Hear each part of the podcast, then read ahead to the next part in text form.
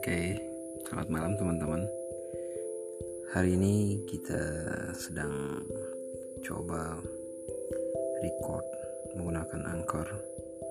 Uh, ini adalah aplikasi podcast yang umum dipakai sama uh, orang-orang uh, kalau mau uh, podcast ya.